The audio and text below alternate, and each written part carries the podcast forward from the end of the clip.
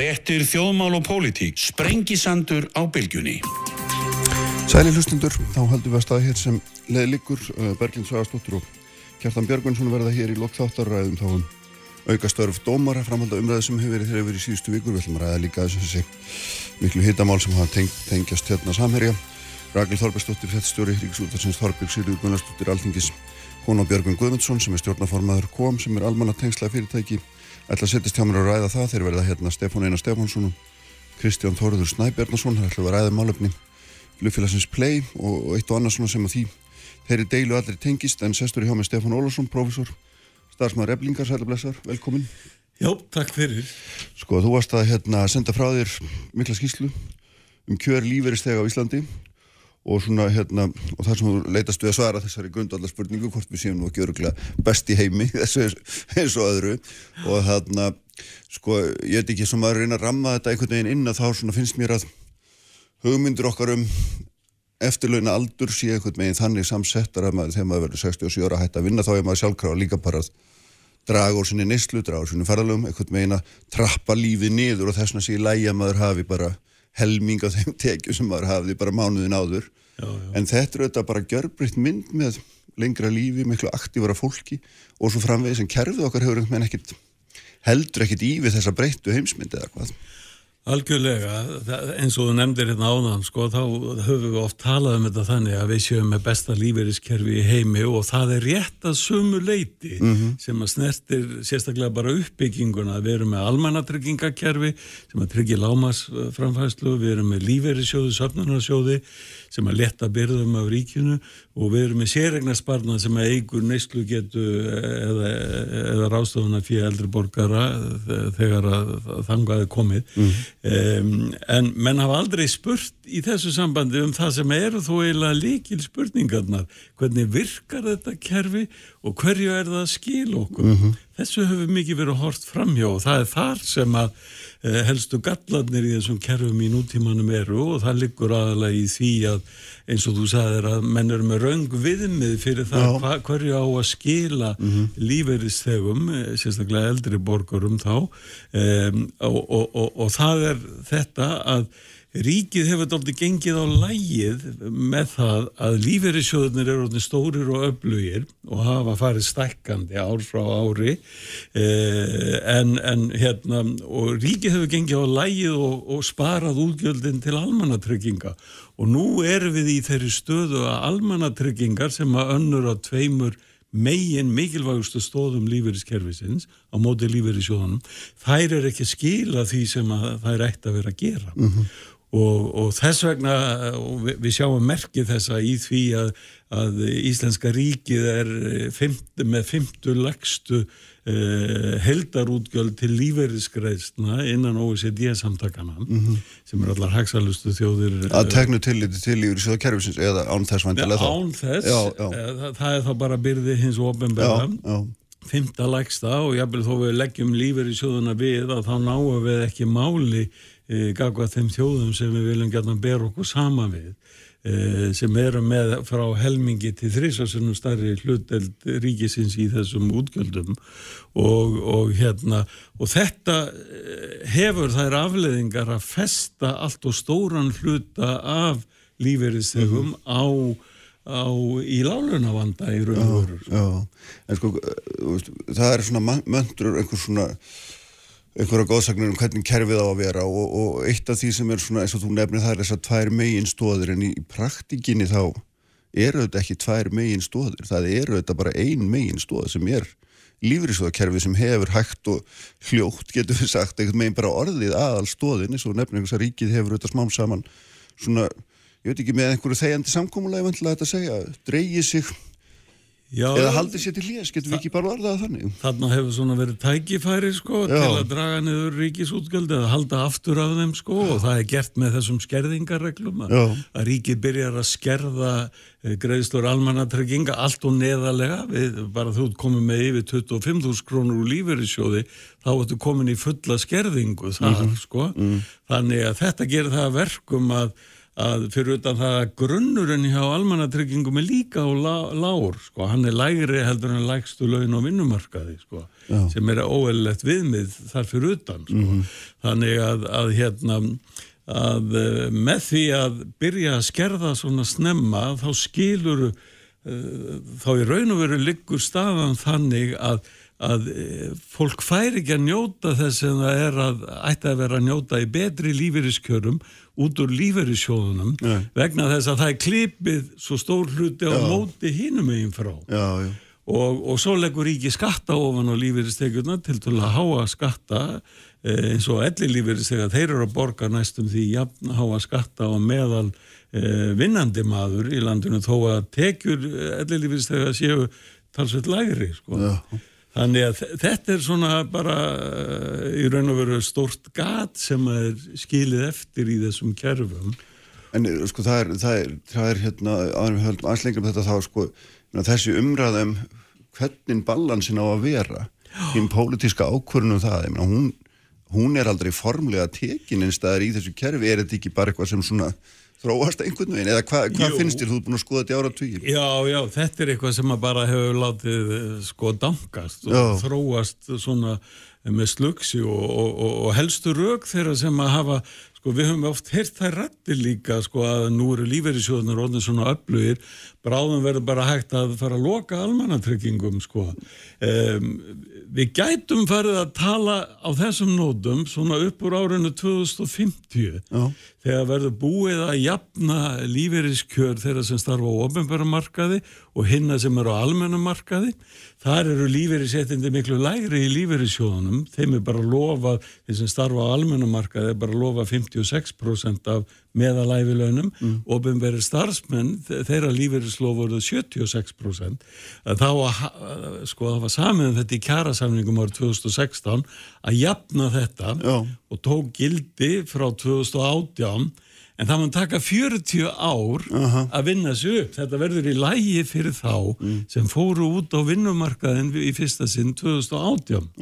Þanga til þurfa almannatryggingar að brúa miklu betur og bæta við en þegar að þetta er orðið jafnar þá er hægt að fara að minka hlutverk almannatrygginga eftir 2050-2058 á þetta að vera orðið jaft sko. En er eftir svona verðt að hafa þetta kerfi bara inn í svona lífeyrissjóðum eða, eða Já, hvað, menn hafa talið það að það Já. hafi mikla kosti að vera með lífeyri sjóði bæði er það að, að uh, þetta, þetta er svona söfnun og hann er fjárfestingafér sem að fer þá inn í að eh, byggja upp atunulífið og hérna og svo hafa menn uh, upphaflega var litið þannig til, til framtíðarinnar að þetta skapa ríkinu tækifæri til að spara ríkisútgjöld. En gallin er sá að ríki fór að taka það tækifæri allt og snemma og, og er eiginlega búið að taka út hans barna og skilur eftir þennan þessi löku kjör líferistega já, og, og risastóran halla náttúrulega í eigin sjóðum sem að ríkja ógreitt inn í Já, já, það er bara svona dæmi um slugsið sko, sem að því tengist. Það, Já. það er engin stór vandi fyrir ríkið að það fer að taka sig á að því að þetta er eitthvað sem þarf að jafna á svo löngum tíma Já. í þeim sjóðum en, en það er svona sýnir svolítið hugafari að það er verið að íta þessum málum frá sér sko, Já. og ekki horst í augu við þau. Sko. En sko, hérna, svona megin niðurstaða ykkar, uh, þín og Stefáns, Andra Stefánssonar, er eiginlega þessi er það ekki að sko ríki gangi allt og langt í skerðingum greislna og hérna það sem er mjög svona mjög áhugavert það sem þið segið er að í raun og verið sko stærsti lífeyristegin á landinu út úr lífeyrissjóðunum er ekki sjóðsfélagarnir heldur ríki sjálf þegar öll er á botni kvöld. Já, þegar að þetta er, sko, ef, ef við lítum á, sko, lífeyrisþegar sem eru með tekjur á bylunu 200 til 600 þúsund krónur á mánuði, það er allur þorri, það er allur þorri lífeyrisþega í landinu, það er svona 80, 85% lífeyrisþega, bæði elli lífeyrisþegar og öryrkjar, um, þeir eru þar, Uh, á þessu tekjubili eftir því sem þú fær á hverjum 50.000 krónum sem þú færð aukarlega lífeyrissjóði þá, uh, þá tekur ríkið í raun og veru á milli 70-80% annars vegar í það sem það lækkar á móti í almannatryggingum og hins vegar það sem það tekur í skatta þannig að samanlagt í skatta og skerðingar þá tekur ríkið meiri hlutan af, af því sem ætti að vera karabáti sem er að koma út úr lífeyrissjóðunum. Mm. og, og þetta er svona sko, þetta eru skerðingar uh, stærðir uh, sem eru ævintýralega sko, ég, ég kannast ekki við að sé, ég hef skoðað fjöldanallar af, lí, af lífeyriskerfum annar að þjóða, ég hef hverki séð þetta svona. Mm -hmm. og, og hérna og, og, og það má tala um þetta sem jaðarskatta sko. Hæsta, og það er hæsta álagningaþreppið vennilega að vísa til þess með jaðarskottum, það er hjá okkur 47% á allra hæstu tekjur Uh, sem þýðir reynda að þú ert með lægri skatta þar samt að því að þú ert með persónu frádrátt og þannig að effektífi skatturum verður 30% mm -hmm. en þannig verður það að klýpa á milli 70-80% og þetta er bara uh, sko ef menn staldraðins við það sem þeir eru uh, og, og hugsa um þetta Já. þá er þetta alveg út úr öllu korti Þannig að þessi 50 skatt sem nefnir aukara sem bætist við í raun og veru fer 70-80% af honum aftur í vasa ríkisins. Já, það fer til að spara ríkinu útgjöld Já. og í skattegjum. En, en, en, en 10-15 þúsund af þessu fer í að bæta kjör lífeyristegan. Mm. 10-15 þúsund kall eh, í kringu 10.000 hjá öryrkjum og, og já, 10-14 er það réttar, 13.700 hjá ellilífeyristegum. Þannig að, að af hverjum 50.000 krónum þá færð þú Eh, um 13.700 sem ellilífið segi í kjarabætur.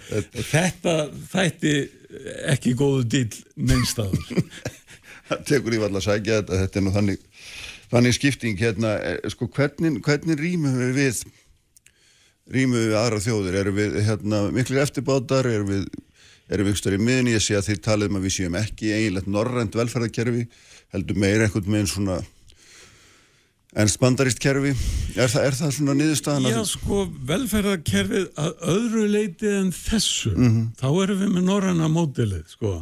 En, en, en þessi ofnótkun tekjutenginga, það er enginni á, á en, engilsaksensku kerfunum, bandaríkjunum, Breitlandi, Ástralíu, Nýjasjálandi. Þau eru þekkt fyrir það að vera með veikari velferðarkerfi og stóla meira á á bara engageran eh, eða þá bara á fjölskylduna og, og hérna þannig að, að uh, þetta er svona frávik okkar frá norranna módelinu mm. sem að hefur farið alveg út í öfgar. Já. Við erum ekki að mæla með því að það skerðingar sé algjörlega lagðar af en, en það sem að skerðingar eru notaður á skinsamlegan hátt, þá er það yfir til þess að skerða út þá sem að hafa hæstu tekjurnar uh, sem þurfi ekki beint á stuðningi almanna trygginga að halda. En skerðingakerfið á Íslandi byrjar að skerða þig með út fyrir neðan lámaslun sko, já, já. á vinnumarkaði. Þannig að það er verið að skerða út fullt af láttökjufólki og mi millitökjufólki uh, og þar, þetta er það sem þarf að laga og, og, og, og og það er best að gera á tvo vegu með Já. því að stórauka frítekjumörkin sem að snerta mikilvægast í kjörunum er að frítekjumarka hvart lífeyrisjóstekjunum að það sé stór hækkat og við erum að leggja til að það fari úr 25.000 krónum upp í 100.000 krónum en það þarf líka að hækka grunninn sem er á almannatryggingum umtalsvert uh, þessi þennan óskerta lífeyri sem er þar vegna mm. þess að, að hérna, hann er allt og lágur uh, síðan er það gagvart atvinnutekjum að í Nóri og Svíþjóð mega lífeyristegar, hvort sem er elli lífeyristegar og öryrkja, þeim er vinnið svo þau sínist -huh. og skerður aldrei neitt lífeyri hjá þeim já, já. við leggjum til svo sem ekki í þessu skrefi að það verði farið allarleið þangað en að, að frítekjumarka gott atvinnutekjum sem er í kringum 100.000 í dag hjá allir lífyrstöðum og 109 hjá öryrkjum Já, við, við leggjum til að það verði aldrei lægra en lámaslun á vinnumarkaði sem eru 351.000 í dag Já.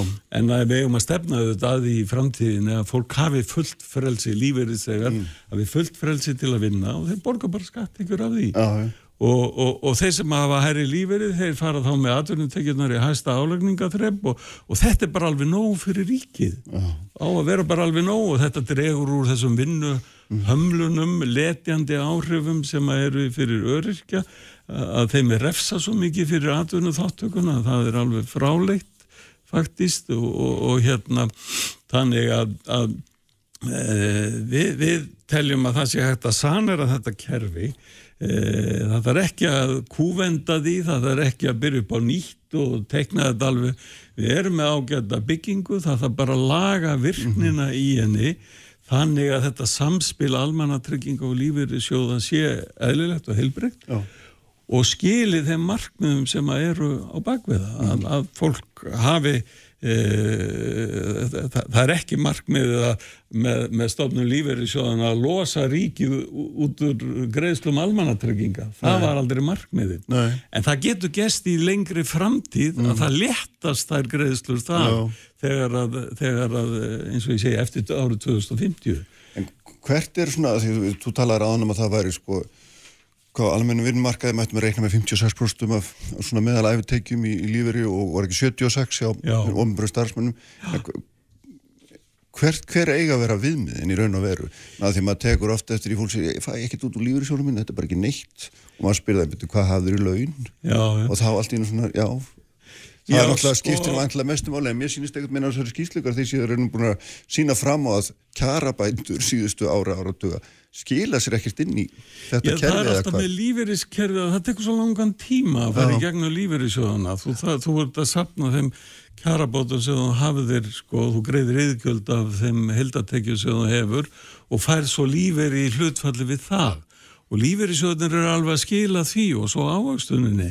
En, en, en gallin liggur akkurat bara hinum einn að ríki klýpir svo mikið á móti að, að þetta verði ekki raunverulegar kjarabætur. Mm og, og hérna þannig að algengt er að þjóðir á Vesturlandum, þessar ríkari þjóðir og við erum vissulega sem, sem þjóð með eitt af stærstu líferiskerfunum, við erum með þriðja stærsta líferis sjóðakerfin eh, að, að, að þess á að sjá merki í góðum kjörum líferistega mm.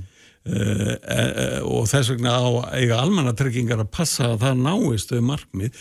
Algengt er að lofa fólki á milli 70-80% af uh, æfitekjum í lífeyriskreistur út æfina, þú ert með samtryggingu. Síðan hefur fólki sérregna sparnað ef það vil eigða meira, þú getur byrjað að losa hann við 60 ára aldurinn og verið jafnvel búin að eigðunum þess vegna þegar þú ferð, verður 67 ára og ef að menn vilja vera skinsamir sko þá eiga þeir að eigða honum í skuldir fyrst og vera skuldlausir þegar það vera 67 og það getur verið góð funksjón fyrir sérregnarsparnaðin en að eigða honum í eh, neistlu og setja uppi með skuldir Aha. Eh, þegar þú dórðin komin á lífeyristökualdurinn það er ekki hefilegt Nei, það er, það er, það er, það er ekki neitt rátt fyrir að menn lækki í launum um helming. Já, og svo setur þá uppi með lélega lífeyriskjöða þegar það hangaði komin og kannski húsnæðis kostnaða ekki sem er þungur. En hvað hva, hérna sko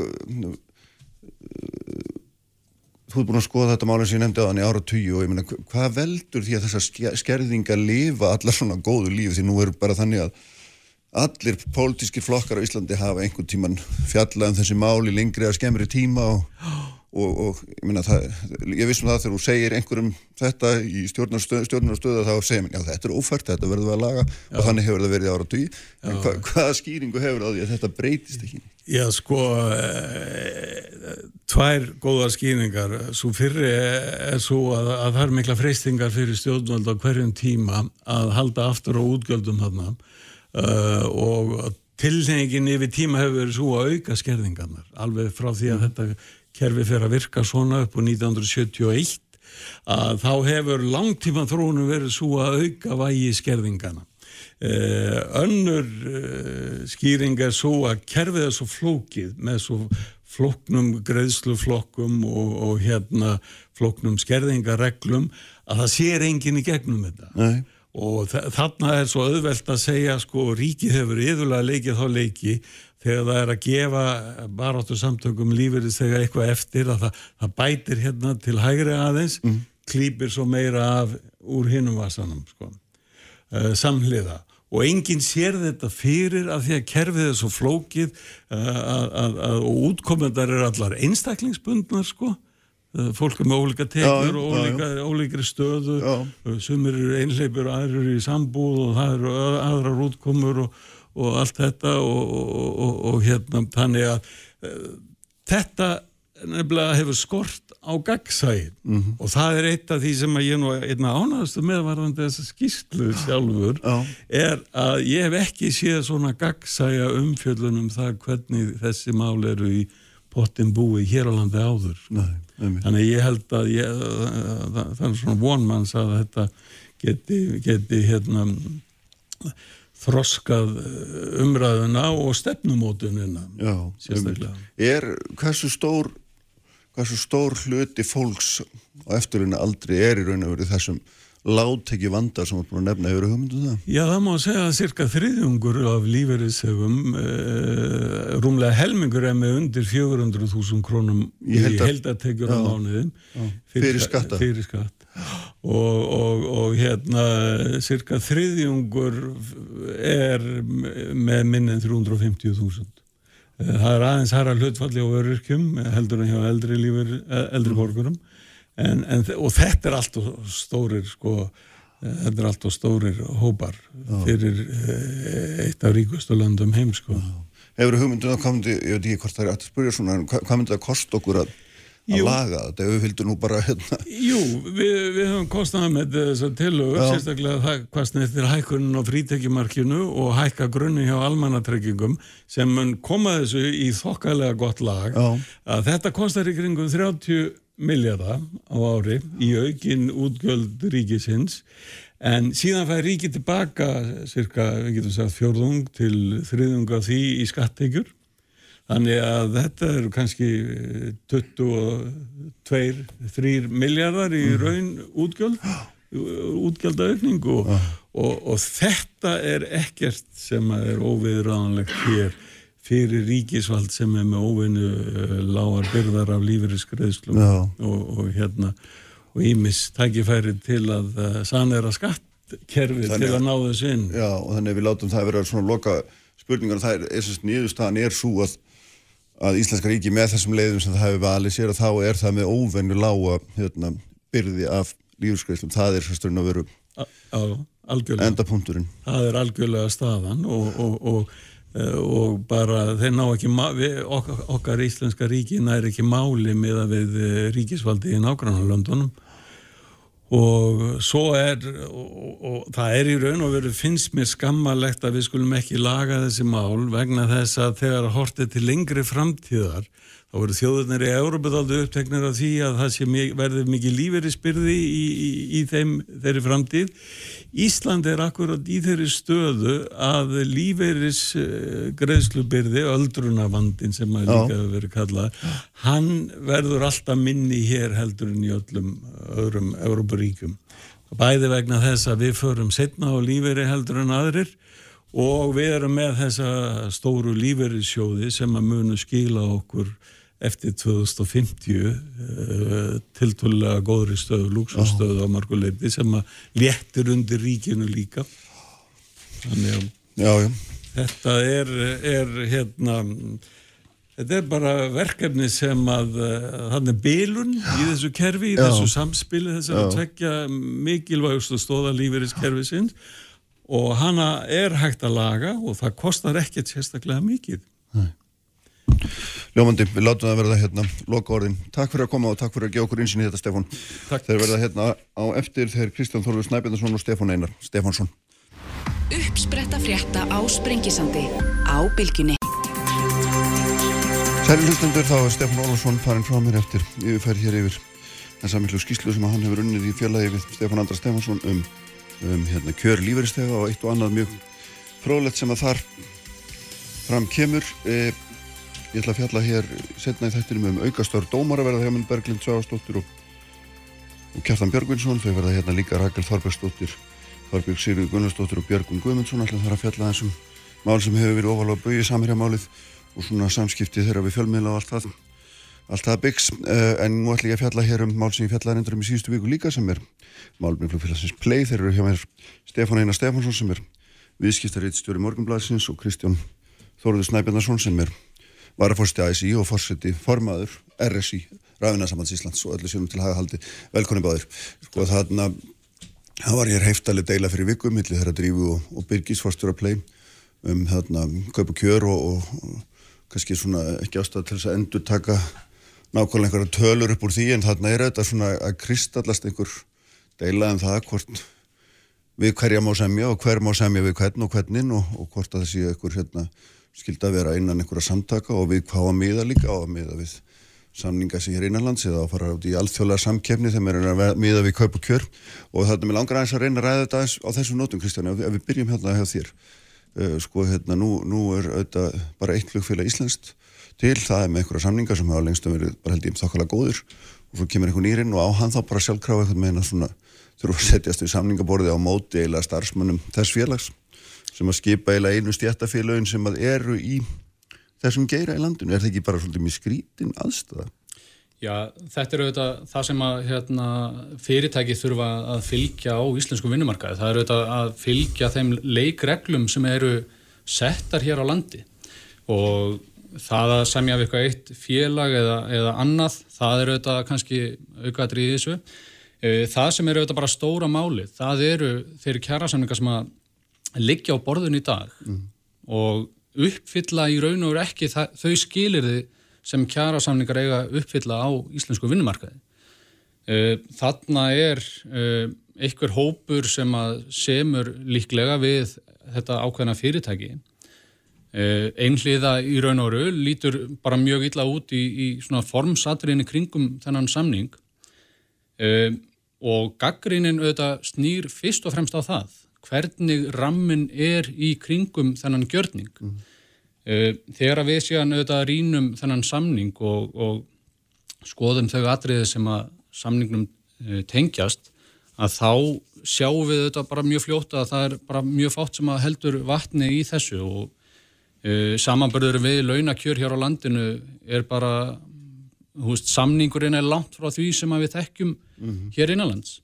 Þannig að það er auðvitað það sem að skiptir öllu máli, það er að uh, leikreglur vinnumarkaðarins séu virtar og að samningar séu gerðir við þar til bær félög sem að, að semja já, fyrir hönd starfsmanna. Já, en að hvaða leiti er það ekki virtar? Það, það eru starfsmenn hann og einhverjur ekki starfsmenn sem að gera hennar samning.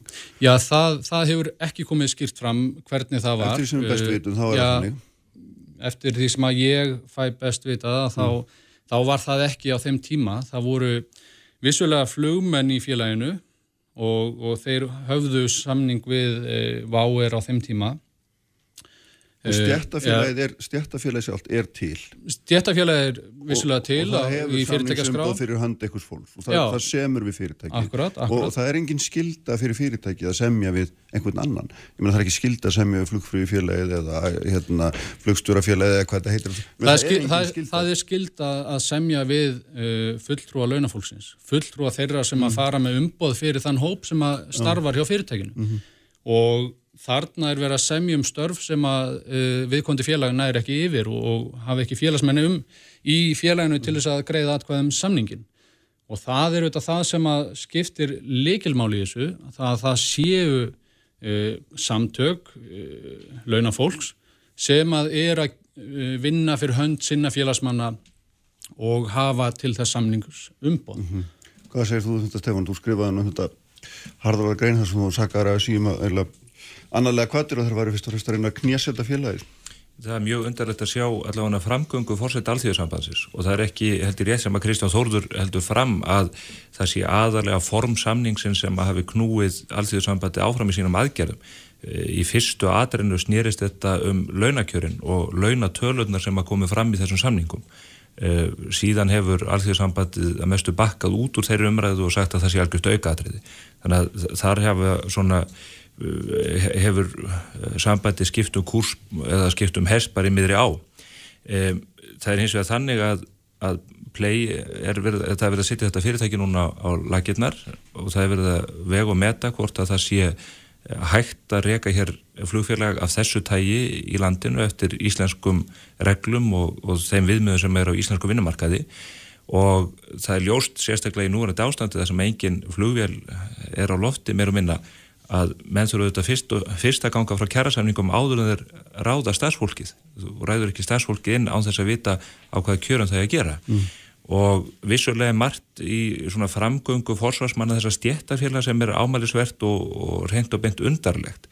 En það breytir ekki því að það er flest sem bendir til þess að þetta sé alvöru stjættafélag eh, þarna verða ráðnar inn eh, flugfreyjur og flugþjónar í hundraðatali og þessir aðlar munu þá vantarlega hafa loka orðið á vettvangi þessa félags um það hvernig verði höndla með þeirra hagsmunni og þegar þessi kjærasamningur rennur sér skeið og enda þá þarf play að semja við stjættafélagið um, uh, um kaup og kjör. Þannig að ég held að það sé ekki endilega ástæði til að örvænta yfir þessu.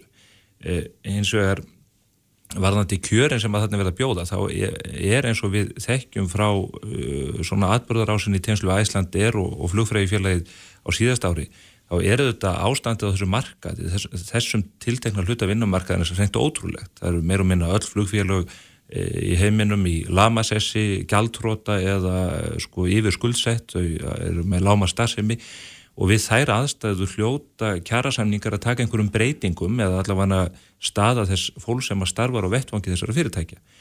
Og ég held að bæði launakjörin hjá uh, Æslandir og Play sennilega líka uh, speiklist í því síðan þegar að landi rýsa nýju hér munu koma eh, miljónir ferðamanna, allavega miljónir manna nýta eh, flugstöðina til að eh, tengja sín ferðalög millir Evróp og Ameríku, þá mun gefast betra tækifæri til þess að, að rétta þessi kjör. Mm -hmm.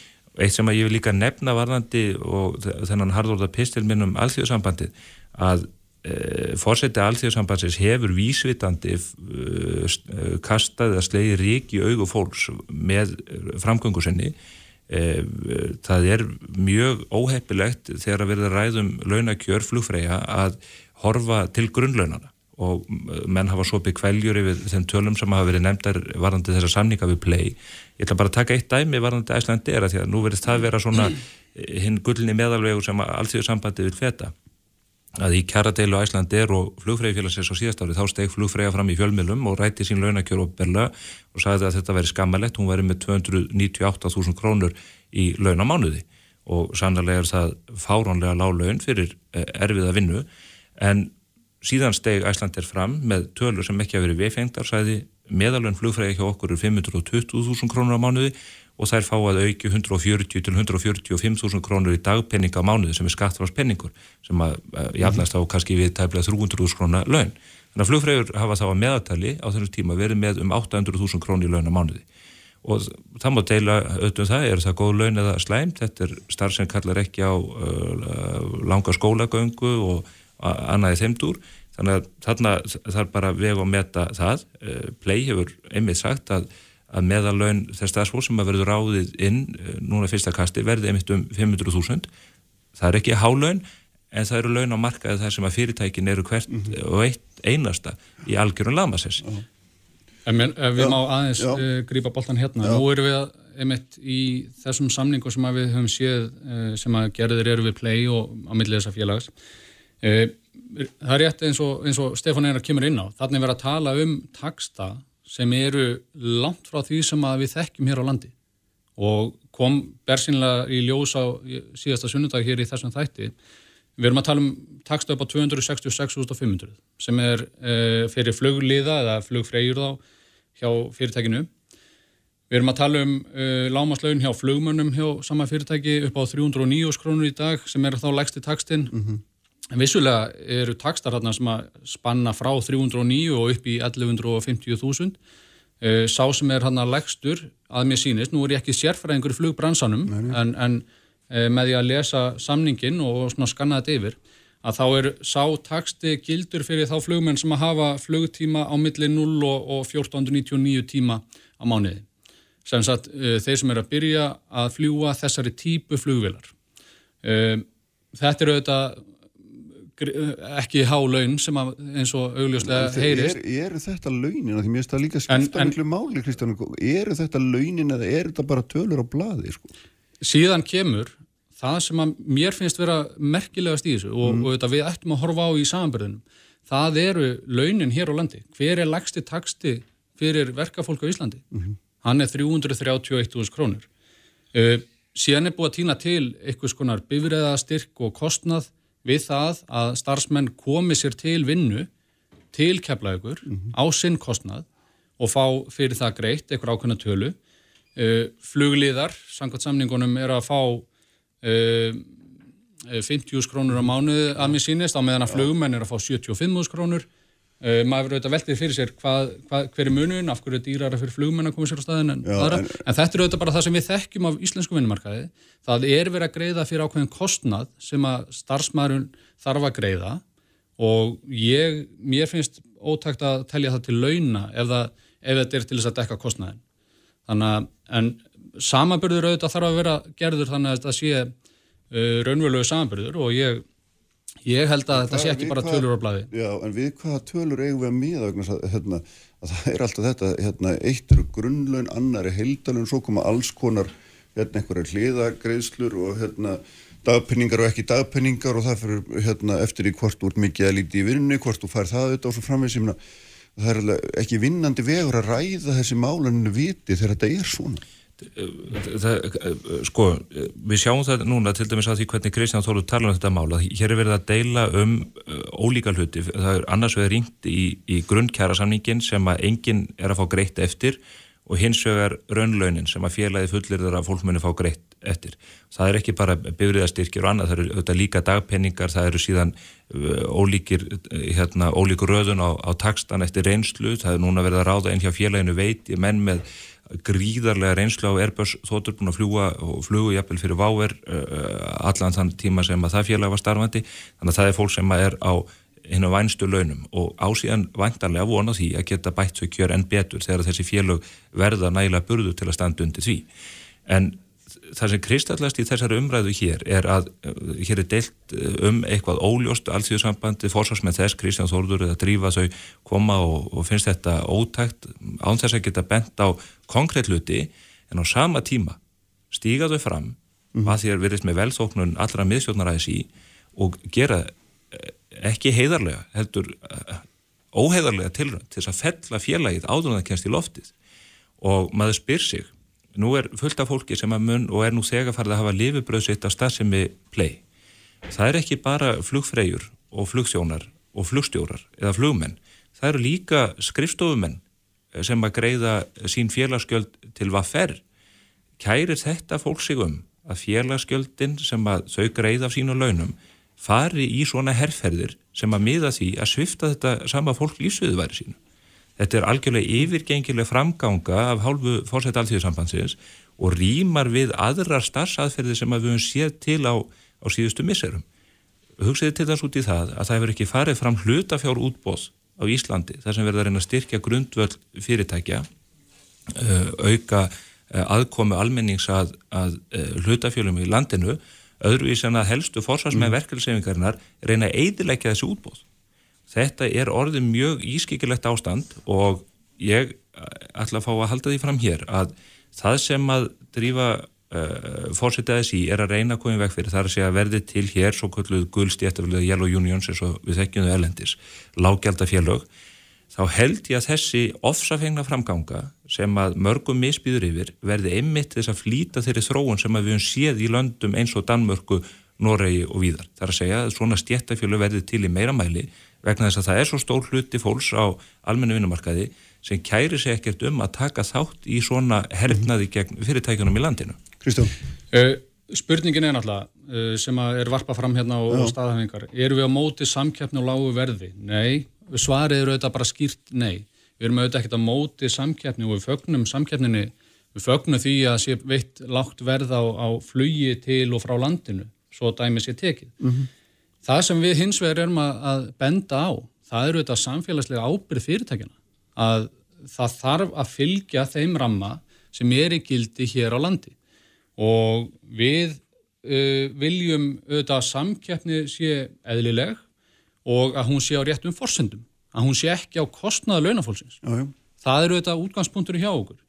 Um, þannig að við erum, bara svo ég segja, við erum alveg á móti því að, að um, lágt verð sé veitt á kostnað þess að það séu greitt laun sem er langt undir því sem er á markaði. En er það ekki rétt að spurja launafólki sjálft áður en að fyrirtæki sem að það er að ráða sig til starfa hjá er skotið í kaf? Væri nú ekki rétt að, kanna það hvort að fólk sé sátt við kjörinn hvað og maður tók eftir í sérstaklega í þessum uh, ótrúlega útastætti hér fyrir viku síðan þar sem að uh, nánast sögðu upp úr að þá segir fórsett aðtíðusambansins að, að hún hafi grun um að hluti séu með þessum eða öðrum hætti, nota það hugtak en hún er í heila viku áður en koma því að hún viðkjönda hún hefði grunum það að hlutirna væru svona eða hins einn búin að gera tilvænt til þess að fella fyrirtæki. En finnst þér ekki Stefán sko hérna sem að benni því þá til þín að, að Myna, finnst þér ekki fyrirtæki hefði geta gert þetta bara miklu mun betur? Að sjálfsögðu og, og, og, hérna, og þessar tölur hérna, sem verður að smetla fram og eru náttúrulega í samningum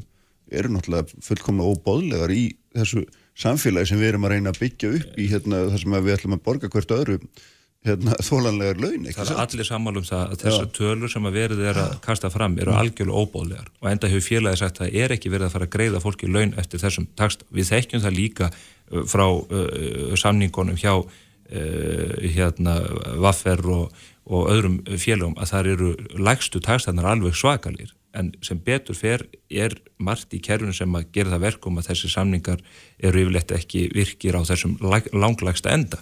En þetta má samt sem áður benda það að uh, ef þú talar um almenna kjara samningar sem að stéttafélagin gera, sem eru lámas laun í landinu, það er sá botn sem að gildir hér á landi. Mm -hmm. Hins vegar, þegar þú kemur í samning sem eru gerð beint við fyrirtæki, þá eru íðulega gerðið þannig samningar að það eru skilgrandi takstar sem er greitt eftir. Mm -hmm. Þannig að það er ekki eins og að, að það sé verið að búa með til kjara samning sem að e, síðan eru greitt eitthvað markaslun ofan á það.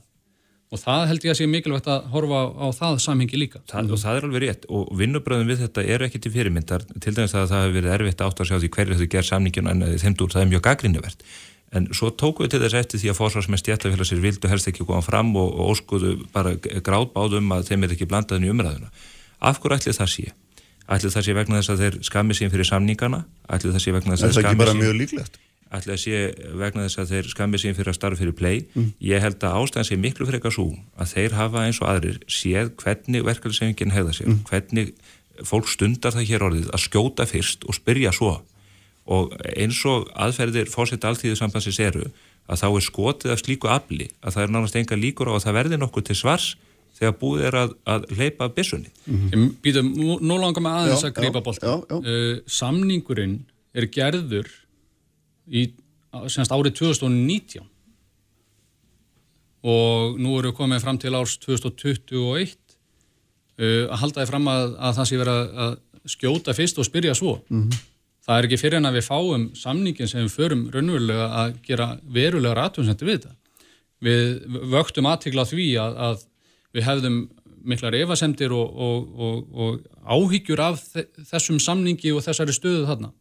Þannig að mér finnst það að seg, halda því fram að við séum að skjóta fyrst og spyrja svo bara alls ekki eiga við í þessu. Nei, nú, nú er allt því sambandi engin smá samtök, ég menna þetta er alveg gríðalegt afl í þessum samtökum augljóslega og svona maður myndi halda að, að allar samninga og sáttalegir ætti að vera full reyndar áður en að hérna, áður en það kemur yfirlýsing frá miðstjórn alþjóðsambandsin sem að hérna, sniðganga eitthvað fyrirtæki hvort það er þetta eða eitthvað annað Men þá hlýtur að vera eitthvað með einn búið að full reyna allar leiðir til þess að ná einhverju hérna, skinsamlegri skinsamlegu samtali Já, eða hvað, algjörlega. var það þannig?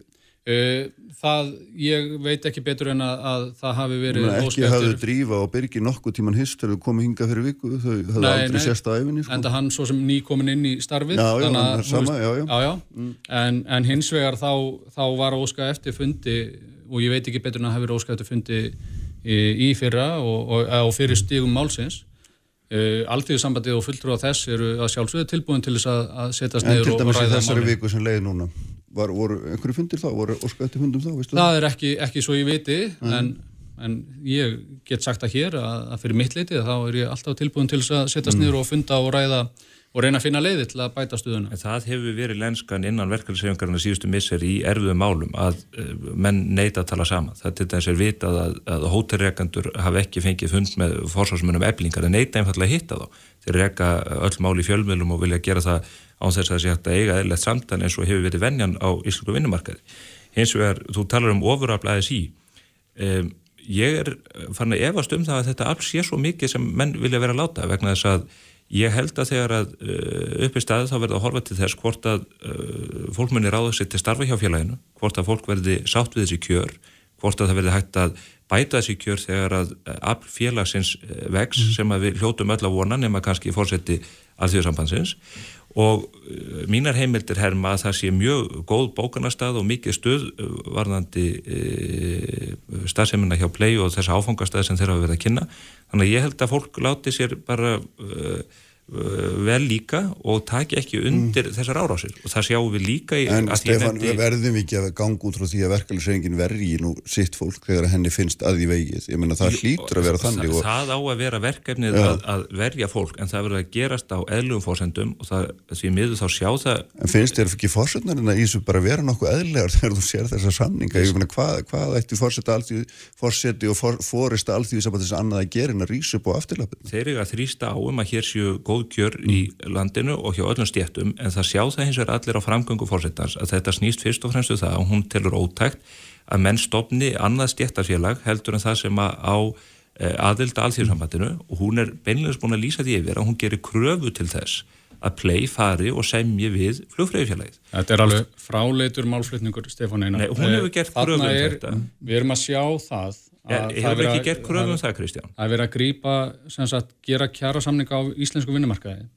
Það er verið að, þetta ber öll þess merki um svoköllu félagslegu undibóð á vinnumarkaði. Þú nefnir uh, gul stjættafélag, Union Busting, og það er auðvitað það sem við erum að verjast og eigum að verjast. Ef að þetta er ekki okkar hlutverk, þá spyrir maður sig, ok, hva, hvert er í raun og veru hlutverk uh, reyfingarnar? Mm -hmm. Það er, jú, það er að grýpa hart inn í þegar að þessi staða kemur upp sem að við sannlega höfum séð gerast e, í löndum í kringum okkur og við verðum að spilna við fótum. En, og það sem að er auðvitað líkilega dríðisu mm. er að e, ef að fyrirtækið vil komin á markaðin sem við fögnum, við fögnum því að fá fleiri félög, við fögnum því að fá samkeppni mm. en þá er að byrja á því að kjarasamningur og launakjör fólksins sé í samrami við það sem við þekkjum hér á landi. En nú skulum við bara ímynda okkur það að þetta fyrir, fyrirtæki, bara hvert sem er, sé í alþjóðlega samkefni og, hérna, og þar eru bara annars konar kjarasamningar. Það eru bara greitt læri laun, það er kostnæðurinn miklu læri og er þá, er þá okkar afstæða svo að hérna, við ætlum þá bara ekki að reyka svona fyrirtæki að þau virka bara ekki hérna. Já, okkar afstæða svo að við teljum að, að launakjör og við förum fram á það aðlaunakjör þeirra sem að eru að vinna þau störf sem að tengjast þessari heima uh, flugfélagana mm. séu í samrami við þau kjör sem eru standalli búaða í hverju landi fyrir sig. Mm -hmm. launakjör í flugðunæði eru mjög misjöfn eftir uppbruna já, já, og heimahöfnum flugfélagana og það er til dæmis, ég get alveg ymda mér að, að launakjör hjá SAS ef maður horfur á það það sé misjáft eftir, eftir flugstöðum eða uppbrunna fluga. Þannig að það eru bara líkiladriði við þurfum að horfa á það að það sem er verið að starfrækja frá Íslandi mm. að það taki launakjör í samræmi með það. Mm -hmm. Já, Bæði, flug, bæði flugfélagin hafa líst yfir að þau ætla að starfa innan íslenska kervisins samkvæmt íslensku veruleika, greiða laun eftir íslenskum kjærasamningum, þau eru ekki að fara að opna höppa úti til þess að geta tekið inn tekniskar áhafnir eða eða búlgarskar áhafnir eins og vissi eru aðrir að gera sem er að keppa á miklu læri launum. Það er mjög mikilvægt að fyrirtekin lýsi þessu yfir og við gerum að sjálfsögðu öll kröfum það að þetta fólk sem starfar hjá þessum fyrirtækjum sé á mannsamandi launum. Hins vegar hefur, og punkturnu þessu, alþjóðsambandi hefur ekki getað sínt fram á það þó að þeir segist vera með þessa samningu undir höndum og nefni einhverjar tölur sem allir vita er út í hött þá hafa þeir ekki getað sínt fram á það að þarna séum félagslu undirbúða að ræða vegna þess að við höfum dæmið frá Æslandi er þar sem að fólk stígur fram og segir ég er með 298.000 krónur í launa mánuði en staðrindin er svo að fólk er kannski nær því að vera með 800.000 krónur í launa mánuði. Já, já, það stendur alltaf svolítið upp á félagið að sannfara okkur um það að þessar tölur sé ekki raunveruleikin það, er, það er alltaf alþjóðsambandins að gera það. Nei, þeir, þeir þurfa að gera það. Það munu auðvitað ekki komið ljós fyrir en að fólk fyrir að fá greitt laun af Nei. þessum samningum og þess vegna er mjög hólur hljómur í tíð þegar Kristján segir að þeir fagnir komið fyrirtækisins á markað komist mm. á markað yfir höfuð. Kristján, á þessum fósöndum, það, það er auðvitað leikiladri en bara klárt Östut, já. Já, að, að sína fram á hvernig útreikningar eru, hver launakjörn eru, Mm. bara við myndum fagna því og að sjálfsögðu væri gott að rýna í þær, þær tölur ef að þetta er á, e, ef það er verið að greiða eitthvað allt annað. Ljómandi. Takk báðir Stefán Einar og Kristján Þorður. Og það verið að hérna hjá mér Rakel Þorbergsdóttir, Þorbjörg Gunnarsdóttir og Björgun Guðmundsson eftir augnablík. Sprengisandur á bylgjunni Með þér allan daginn Hvar sem er, sem er Bylgjan. Bylgjan. Uppspretta frétta á Sprengisandi á bylgjunni.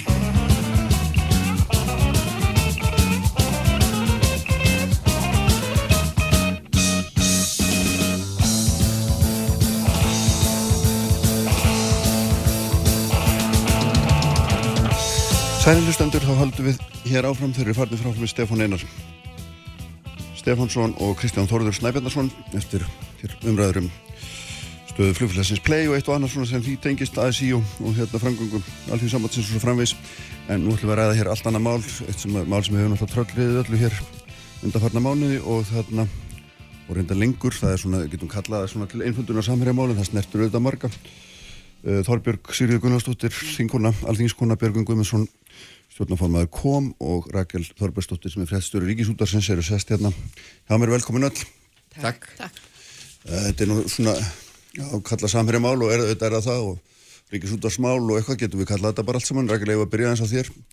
Hvernig hérna hvernig er staðan í þessu? Fyrst þér hérna er mikið verið að hamast í ykkur? Og, og hvernig er svona er þið bara með reyna samansko og klára og Við telum það, en við erum náttúrulega hérna ímsu vön og það er kannski hérna þess að bara vinda sér beint í þetta já, að þá hafa menn, uh, ja, einhverjir haft það á orði að, að, að hérna, fréttamenn og fjölmélamenn með ekki vera svona viðkvæmir og þurfi að þóla gaggrinni. já, já, sé óttalegri umingjar Já, já, og, og, og hérna, það er náttúrulega hérna, bara kjánulegt að, setja þetta upp í, í, í, hérna, í það samhengi, setja það í það samhengi því að, að uh, hvað sem það er þessar nýjustu vendingar eða fréttaflutningur kjarnans og, og stundarinnar af þessum samskiptum eða bara það sem, að, og sem er ekki einu svona upphafið en það er allavega upphafið í þessu, þessu samherja skjalamáli að þá hefur þetta verið allt mjög óvunlegt eiginlega frá, frá hérna, fyrstu tíð uh, samskiptin og, og, og, og já, svona uh,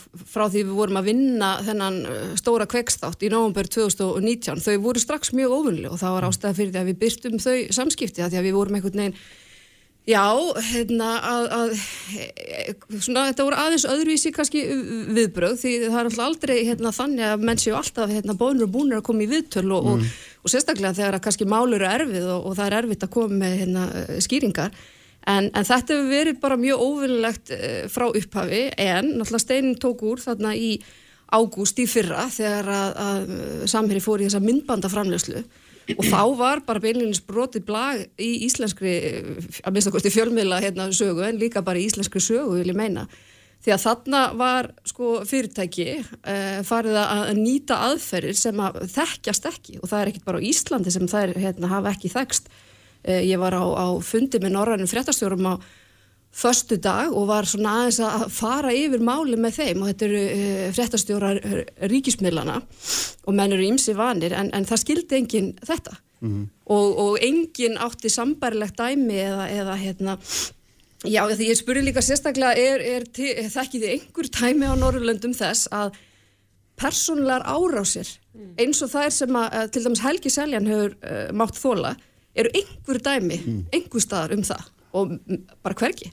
Og það, mér finnst það nú eiginlega svolítið hérna, hérna eh, lýsa þessu best. Þetta er algjörlega einstakt, fordamalust og graf alvarlegt. Já, já, en það myndur nú sást einhver líka að segja að það væri einstætt og fordamalust að saka mennum hérna mútugreislur og peningaþvætti og skattsvík og allt hvað heitir og er sko. Eh, Nei, ekki, eh, hérna, ertu að bara meina almennt í, í, í viðskiptum, það eru fyrirtækjum allan heim sem er- eru sökuð um alls konar hérna, lögbrot og, og það er nú ekki, þetta er nú ekki algengt í, meint, Ís, á. Íslandi að setja fram hérna heilan þátt um slíkt sko. Nei, alls ekki og og ég, maður, verður maður ekki að skilja En- það að menn, en- menn, menn, menn hérna, mönnum bregða aðeins við Já, en menn verð þá líka að skilja að, að okkar eina hlutverk er Mm. að, að hérna, draga fram sannleikan og ef að, ef að fjölmiðl kemst yfir gögn Mm. eins, og, eins og Al Jazeera, Rúf og Stundin komist yfir þarna 2019 eigum við að sitja á þeim er, er, Vallir menn að tala um það?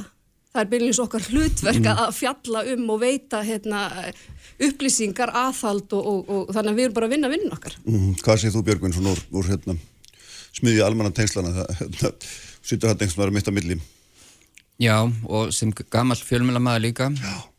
Ég vil nú byrja að taka fram að, að ég vann fyrir Samherja það eru svona um þrjú ár síðan Samherji var einn af 10-15 kunnum hjá mér, bara svo að ég fá ekki gaggrín úr þeirri átt fyrir, fyrir hérna, það sem ég segi hérna en ég stend bara fyrir mína skoðinni sjálfur hér í þessu samtali okkar. Sko, þetta er mjög óvönlegt eins og Rækil segir og ég man ekki eftir því að, að hérna, það hafi blásið svona köld á milli umfjöldunar efnis í Samherji í þessu tilviki og síðan fjölmiðils uh, auðvitað eru fjölmjölar að fjallum við hvað mál uh, á hverjum degi og, og, og ég segi alltaf að sko þeir sem fjallaður um hafa leifi til þess að hafa skoðan á því hvernig mm. efni er framsett og, og hvað er sagt og ég er ekkert að efast um það að Samherji hefur, hefur getað komið sínu sjónum um að framfæri eh, við rúf en kannski kosi að gera það ekki vegna þess að ríkir þarna algjört vantrust á milli.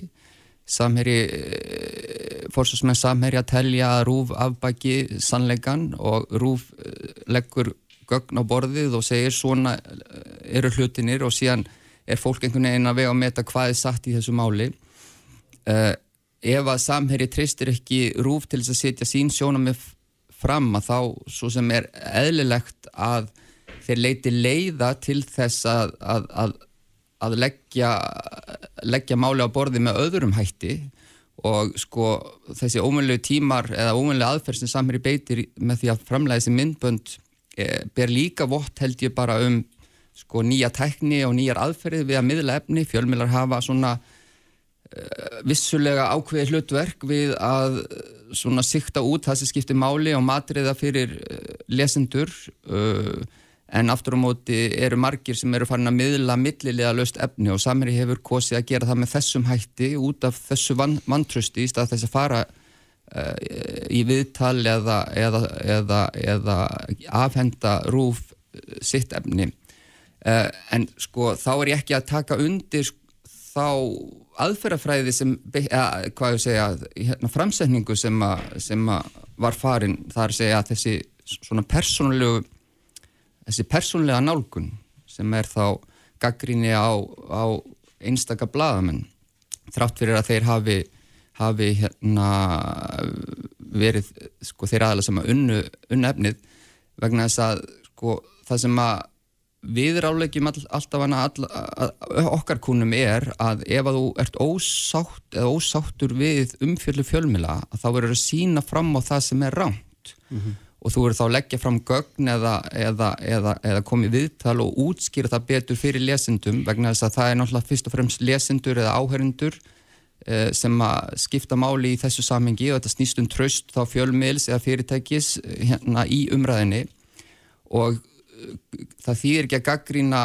með öðrum hætti, það þýr ekki allavega að fara í einhvern sko hernað gegn fjölmiðli nema það að leggja fram sín gögn og og þess vegna var kannski rámt af samherja í þessu tilviki mm. að fara í svona persónlega herrferð í stað þess bara að sína fram á að ef að Rúf sagði ekki nákvæmlega eh, rétt frá að sína það fram á hvað það var sem að var rámt í umfylluna efninu mm -hmm.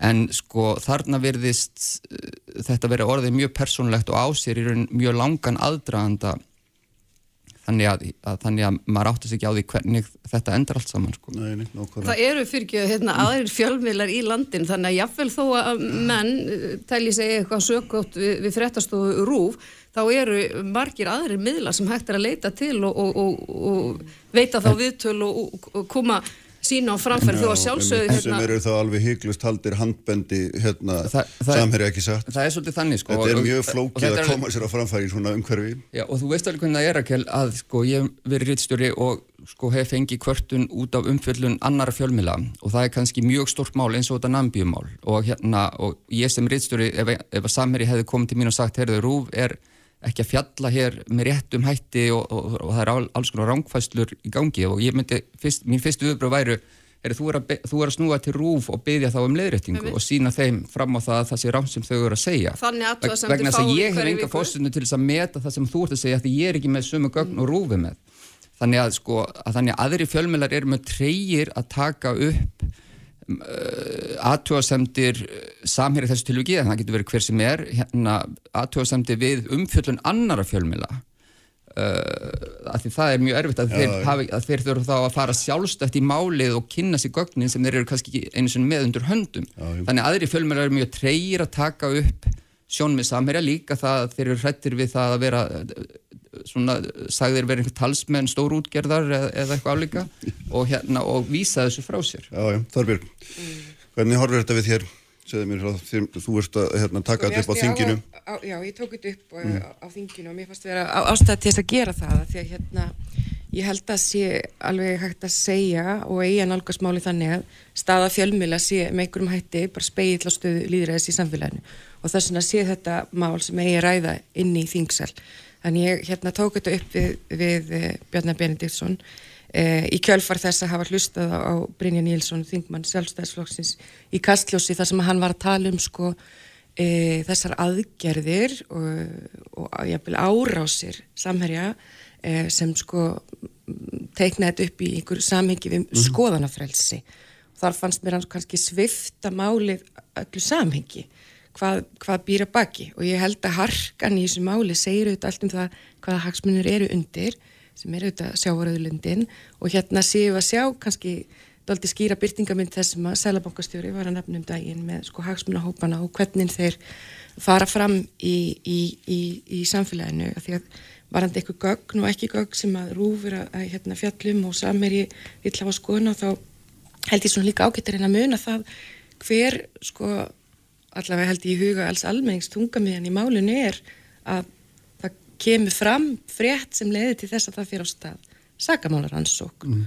og, og sakamálaransókn sem er í, í gangi í Namibíu, það er í landi hafa ráður að vera handteknir og þekkjum alltaf sögu og, og hérna ég ætla ekki að hafa skona því að því að bara svo rannsókn er í gangi en hérna mér hefur fundist mjög uh, óþægilegt að sjá það einhvern veginn hvað, hvað er, eins og ég segi verið að taka mjög harkalegar aðgerðir e, fyrirtækis mm. -hmm. e, einstökum fjölmjölamönnum og, og menna þetta er fólk sem að sjálft skilgarinn sér sem skærulega deilt e, sem að segja doldið um það hvernig menn sjá hlutverk sitt fyrir sér og alltaf því feimni á hálfu stjórnmálana um það að hérna, nota réttu orðunum það hvað þarna er í gangi. Um, öllum mönnum og fyrirtækjum er frjálst að hafa sína skoðanir og koma þeim á framfæri. En samherji er aldrei að því í, í þessu samengi að mistakosti eh, með því að stíga sjálfur fram í umræðu og taka þátt í henni með því að sjálfur leggja fram eitthvað borð. Og síðast erum við að sjá uh, fréttir af því að, að það hafa átt að fara inn í, í Blaðmannafélag Íslands um, Já, já. með, með hérna með hugmyndur um það hverjir væri heppilegastir til fórustu eða hverjir væri ekki heppilegir til fórustu þetta er bara já. Og það hefur nú reyndar hérna, vakið að mestu kosti aðtegli mína hversu hérna, eiginlega sko, stjórnmálamenn og, og þingið hafa verið seinir til að tjá sig um þetta af því að, að við erum þarna eða ekkit við, þarna er verið að fara inn á, á braut sem Mhm. ekki hefur verið hérna, á Íslandi áður. Það eina sem mann dettur í huga er einhverjar svona rætnar, daldi ömulegar pólitískar auglýsingar í bandaríkjónum og, og hérna sem er bara svona bæði aðferðafræði og siðferði sem bara við höfum ekkert vilja að kannast við á Íslandi. Nei, og og, og, held og ég- meðvirkni Já. meðvirkni með þessu og, og þögnin, hún sendir bara þau skilabóð, þetta er bara allt í lægi Já. og svo hugsanlega, þó ég voni að, að ég ætla að hafa meiri trú á íslensku fyrirtækjum en svo, en hugsanlega getu aðrir fyllt í kjölfarið og það er hættulegt. Að því hérna held ég þurfi líka bara að draga mjög skýra línu milli þess hvað er hérna eðlileg þáttaka í umfjöllun og e, þessi viðbröðum að menn hljóta meg að verja sig. Það er, þetta, það er auðvitað ekki spurningin um það. Og ég tók eftir því að fjármálar á þeirra var spurður út í þetta e, um sko, um, um hérna einstaka þætti sem að fram hafa komið núna, þessi síðustu spil e, e, í umfjöllun stundarinnar, meðal annars þetta um, um, um hérna blaðmannafélagið, að þá svarar hann því til að hann hafi ekki lesið umfjöllun og veit ekki um hvað máli snýst. Það finnst mér vera heilmikil afstæða. Hvers vegna hefur hann ekki kynnt sér þetta mál? Hvers vegna hefur hann ekki skoðun á því? og hérna af því Af þetta því er það er svo það eiginlegast að segja ekkert um það er það eiginlegast og það er hagsmunir í húfi. það er, Það eru þetta kosningar í er. Já. þetta er svo, ský, þetta er svo skýr byrtingamind þess að menn ætla ekki að fara inn í um- um hagsmununa þetta, Já. já. Ég vil fyrir að fyrst að segja að ég skil svo sem að það hefur verið ákveðið uppnám út af þessari umfjöllun um þessi samskipti þarna.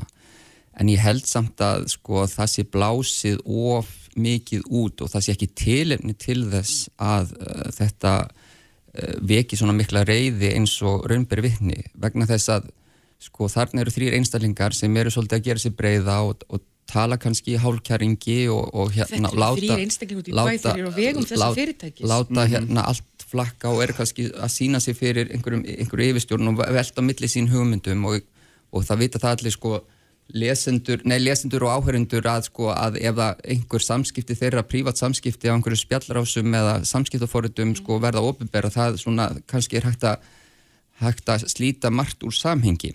En að því sögðu að þá finnst mér líka sko ekkert tilefni til þess að stjórnmálamenn einhvern veginn rísu upp á afturlappinnar út af þessu vegna þess að það hefur sínt sig að þrátt að einhver uh, varpi fram einhverjum hugmyndum að einhversi óheppilegur frambjóðandi í norðaustu kjördami og, og Sigri Dögsi óheppilegur formaður í Blagamannafélaginu og, Þetta er meira það að þeir voru að tala um að hvernig þeir Þetta er gæti þessu. inngripin í fagfélag Má, hérna, málega það, málega það, samt að sko fólk talar svona saman, kannski uh, með djarfar yfirlýsingar til að gera sér breyða en síðan tristu við, eftir. síðan tristu við þessum líðræðislegu stofnunum sem að, eða líðræðislegum farvegi sem að, sem að er fyrir hendi sem eru annars, annars vegar prófkjör í sjálfstafloknum og hins vegar kostningar í blagamennafélaginu og ætlar einhver að segja mig það að bladamenn og, fréttamenn hérna láti teima sig á asnæðurunum vegna þess að einhver í samherja sagði eitthvað það er ekki, Nei, það er ekki svona skýr tenging þar á milli. það er- ekki ekki þannig, blaðamennirnir. en það, Björgvin, það er kannski meira sko, valdtrókin að, að mönnum detti það í hug að, að grípa þarna inn í. Það- það- það má er dálítið hættulegt hérna, það, það má gangrýna en sko fólk út í bæ getur alveg líka haft, haft skoðan á því sko hver er formaður í, blamanfélaginu eða hver er frambjóðandi í einhver stjórnmálflokks og getur verið að ræða það sín á milli. En eru fyrirtæki að grípa inn í og, og, og svona plotta Ekki svo og, ég og, og, rotta sér saman? Ekki Nei, mitt, nei, og ég vissum það er rétt hjá þér. Almennt er það ekki Við þannig. þetta vitum ekkert sko, um það ljó, við Nei, ljósi, í ljósi samskipta í ljósi samskipta sko samherja og, og ríkisútvarsins að þá var þetta viðrað á þessu, á þessu spjallþræði og síðan var þetta blásið út sem að sko einhver afskipti af af frjálsu kostningum í blagamannafélaginu. Fyrir að fyrsta er held ég að sko margir blagamenn hafa ágjör á því að blagamannastjættin allavega þegar ég var í stjórn blagamannafélagsins í fjögur ár sko að sko Rúf hafði eh, sko sitt félag sem var félag fréttamenna og, og síðan voru aðri fjölmilar í, í, í blagamannafélaginu eða blagamenn annar fjölmilar í blagamannafélaginu og það var svona hinn hin hefðbundna skipting. Og sko Rúf er auðvitað fyrirferða mikið núna bara á fjölmilamarkaði og, og frjálsu fjölmilanir eru að ströggla.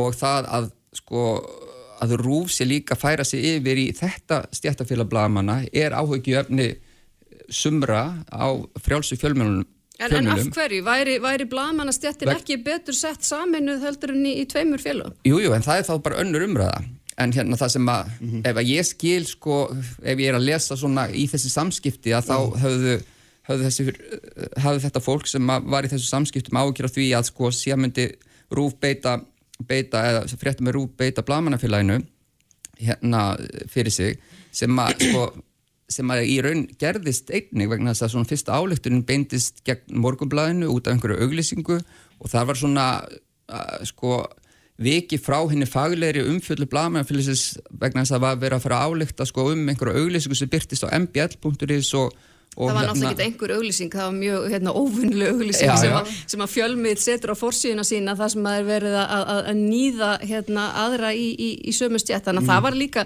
það var líka nýtt og, og, og, og hérna, gekk fram af En mjög ef ég, mætti aðeins varandi þetta þegar Björgvin að stjórnmólinni ekki að stíga inn hérna og hafa á þessu skil, skoðun. ég skil vel að þú nýtir tækifæri til þess að slá, uh, slá, svona, slá keilur sko Já, já, og, og, mér finnst það nú verður það bara mjög og- og billig afgæsla slá og- keilur svona í ljósi þess hvað hlutverki þú ert hér en hérna það er auðvitað þannig að það, er, að, það eru almanna hagsmunur undir þegar vegið er að fjölmiðlunum. Þeir eiga auðvitað að búa við það að, að hérna, sæta aðhaldi og, og Mhm. umfjöllun og gaggríni en, en þetta er eitthvað annað sem þarna ber, er að baki. Og þarna finnst mér líka mega hérna horfa aðeins til þess einmitt hver viðbröð stjórnmálana eru og hvert er samikið við stjórnmálin.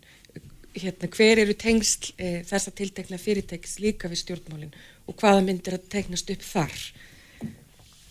Það skiptir líka Ég held að séu engi tengsl á milli sko, stjórnmáluna og, og þessa fyrirtækis.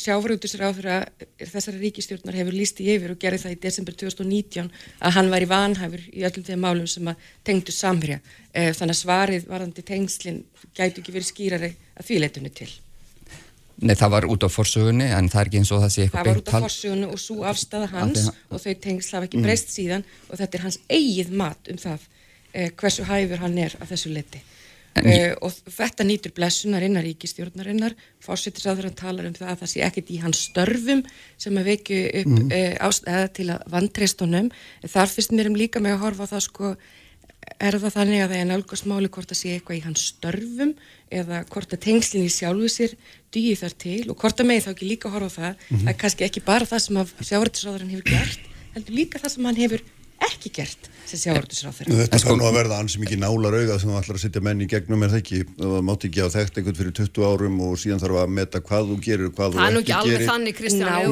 horfir á samherja þáttin þá er það ekki bara eh, þekkt Nei, nei, sko. nei, ég þekki þess tengsl alveg ágætlega En ég bara minni ég á að það ég bara minni á sko. það að þetta er afstara sjávarútusráður Já, já, Já, en þetta er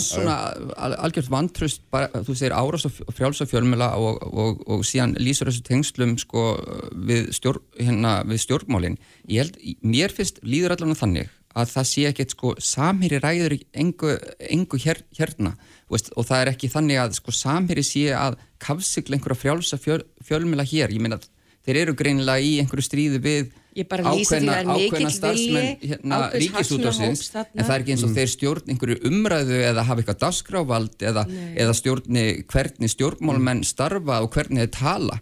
Það að sko forsvarsmenn ríkistjórnarinnar telli ekki tilum til þess að, að stíga fram og vera með einhverja djarfar yfirlýsingar út af sko samtölu þryggja einstaklinga sem að jú vissulega eiga það sammeilegt að, að, starfa fyrir eða, eða hérna í þáu samherja. Að sko það bara bendir til þess að sko að, sko, að áhrif þessa fyrirtækis eru blásin upp úr öllu valdi og það er ekkert til, til, til þess.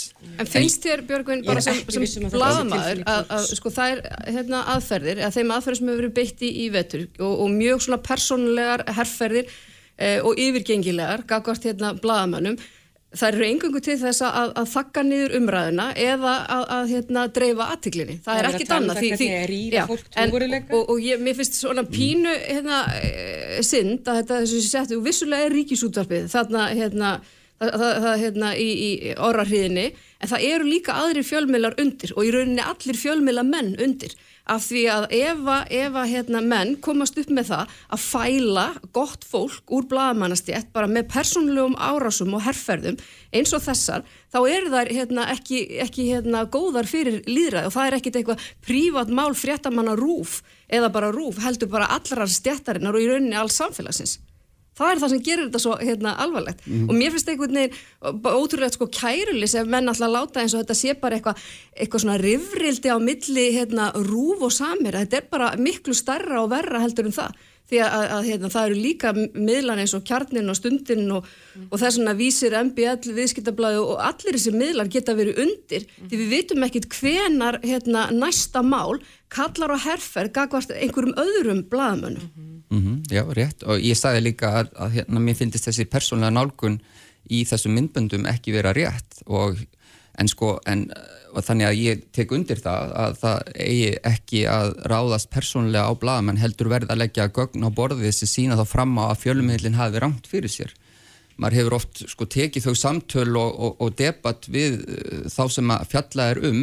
Og ég vil bara sko svona mi- mi- mitt grundvölda prinsip í því var að allir sem fjallar um hafa rétt á því að sitja fram sína skoðun og koma sína sjónum um að framfæri sérstaklega ef að En ef að- samtali snýst um með hvaða hætti það er gert. Já, já. Já, já, Við, og- við viljum koma þessum skoðunum samherja á framfyrir, sannarlega og höfum reynd að gera það í eitt og Ætli átt að- ár. Ég veit að ég- undirstrika það líka. Í þessu máli eins og mjög mörgum öðrum að það er hérna, þeim sem fjallaður um finnst þeir fá mjög lítið svigrum meða við hérna upprunlegu umfjöllun og ekki neitt sko. Já, við Ég held að það sé mjög oft þannig og menn hafa þá tilfinningu, ég tala nú ekki um trútt komið með marga fjölmila inn í sama máli þá náttúrulega er staða þín sem fyrirtæks út í bæ og náttúrulega bara vonlös þannig Þá er það setur bara. upp skærulega til. ha, nei, ég held það sé nú ekki almennt talað. Ég held það sé nú ekki Nei, almennt talað. Ég minnst þú aldrei heyrt um það áður. Nei. og ég minna, en auðvitað vitum við ekki hvað hefur gerst hér í gegnum tíðina bak við tjöldin. Nei. við vitum ekkert um það. Nei, nei. ekki allavega. Nei, nei, en við sem höfum munni á fjölmjölu það, er, það er alltaf verið að sko, að hringja- verið að terrorisera mann. Já, já, hringja og koma aðtjóðsundum á Já, framfæri þetta er og, kannski daldi mikið meira. En það er nefnilega einmitt máli, af því að maður er ímsu vanur og ég er nú búin að vera hjá Rúfi Rúm hérna 20 ár, bara hún er svo legubilstjórin Mm. Nei, þið viti, við, við erum, maður er búin að upplega svo margt og, og við fórum nú í gegnum hérna uh, við- við Helgi Seljan Panamaskjölin og öllu sem því, því fylgdi Þetta mál, þessi samskiptið, það sem við, hérna, eh, hérna og sérstaklega sumir fréttamenn hafa þurft að þóla, þetta er bara á, á allt öðru plani heldur en nokkuð tíðan hefur verið. Ég held bara aftur að harkan í þessu er bara byrtingamind þess hvað það eru óðbóslega miklir hagsmunir undir. En hefur ekki verið, hefur ekki verið hægt með nokkur móti að koma á neinu samtali á milli hérna málsæðilega, það er bara ekki verið nei, hægt. ítrekkaðar tilraunir og, og, og Og þá er ég ekki að tala um ofinberlega einhverju einhverju viðtölu eða slíkt, Já, ég meina já. Þorsteinn Már var nú bara hér þannig að, að nú, hérna, hann kom allavega hingað á sínum tíma, en ég meina það hefur ekkert verið hægt að tala saman um það hvað, veist, hvað er það sem menn greinir á um í þessum gögnum til dæmis. Jú, við náttúrulega, þú þeir, þeir hafa lagt fram, fram sitt og Já. það bara stendst ekki, mm skilur en, en, en það sem við fyrst og fremst viljum fá er bara að fá menni í, í hérna, viðtöl, fórsvarsmenn hérna, til dæmis í þessu tilfelli, fyrirtækisins og alltaf í, í viðtöl, ef að menn eru eitthvað hrættir við að, að verða kliftir til eða eitthvað bjagar, þá eru við með hérna, þætti í beinni útsendingu sem ekki verða kliftir til. Þannig að við erum með alls konar hérna, leiðir til þess að, að koma þessum hérna, já, þessum skoðunum eða andmælum á framfæri en menn verða náttúrulega að vera tilbúin til þess.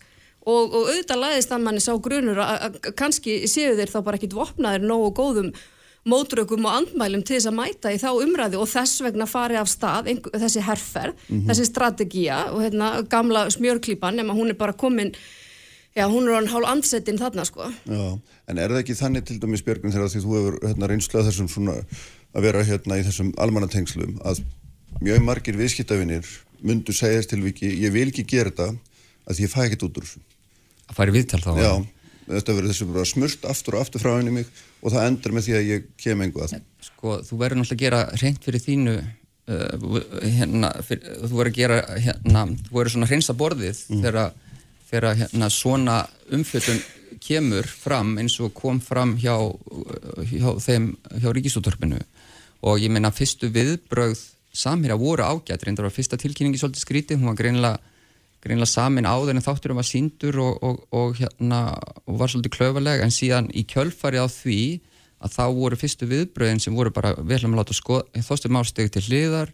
Við ætlum að láta hérna, þessa norsku lögmanstofu skoða máli ofan í kjölinn og við munum byrta öll gögn. Ég menn það er hinn réttu viðbrögð í svona krísu ástandi að því sko við getum ekki gert ráð fyrir kannski og það er alveg eðlilegt að, að sko í svona risastóru fyrirtæki sem að er veist, 50% öllu rekstri er erlendis að, hérna, að menn séu með sko yfirsýn yfir allt og það þarf bara að skoða hvað fór úrskeiðis og hvernig hlutinir hafa ja, svona þróast að þá sé keiftur ákveðin tími og sko ég veit ekkert sko eins og ég segi, ég er ekki samskiptu við fórsvarsmenn fyrirtækis og þekki ekki, til, ekki neitt til þessa máls. En ég veit ekki hvað gerðist frá þeim tímapunkti þegar þessi stefna var tekin og þóstum mástið til hliðar og það var tilkynnt um þessa rannsókn og, og síðan átt að leggja öll gögn á borðið þanga til að það, þeir fóru að byrta þessa auglýsingu, þau, auglýsingar þau, þau gögn hafa ekki verið borðið. það hefur Þannig að, þannig að þegar þú segir sko, er þetta ekki, veist, hver, eh, veist, rétt að fara ekki viðtöl, nei, veist, þú þarft að gera hreint fyrir þínum dyrum.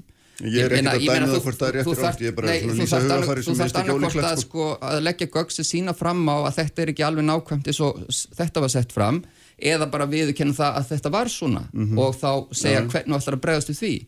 Þú verður bara þú veist, að hérna, bregðast náttúrulega skjótt við og segja satt frá þannig að hérna, það er hinn eðlu viðbröð og ef þú ert að segja satt frá þá er ekkert þá er ekkert að hræðast að fara í viðtöl uh, hvort sem það er við ríkisútorpið eða, eða kjarnan eða stundina eða morgunblæðið eða, eða hvert sem er sko.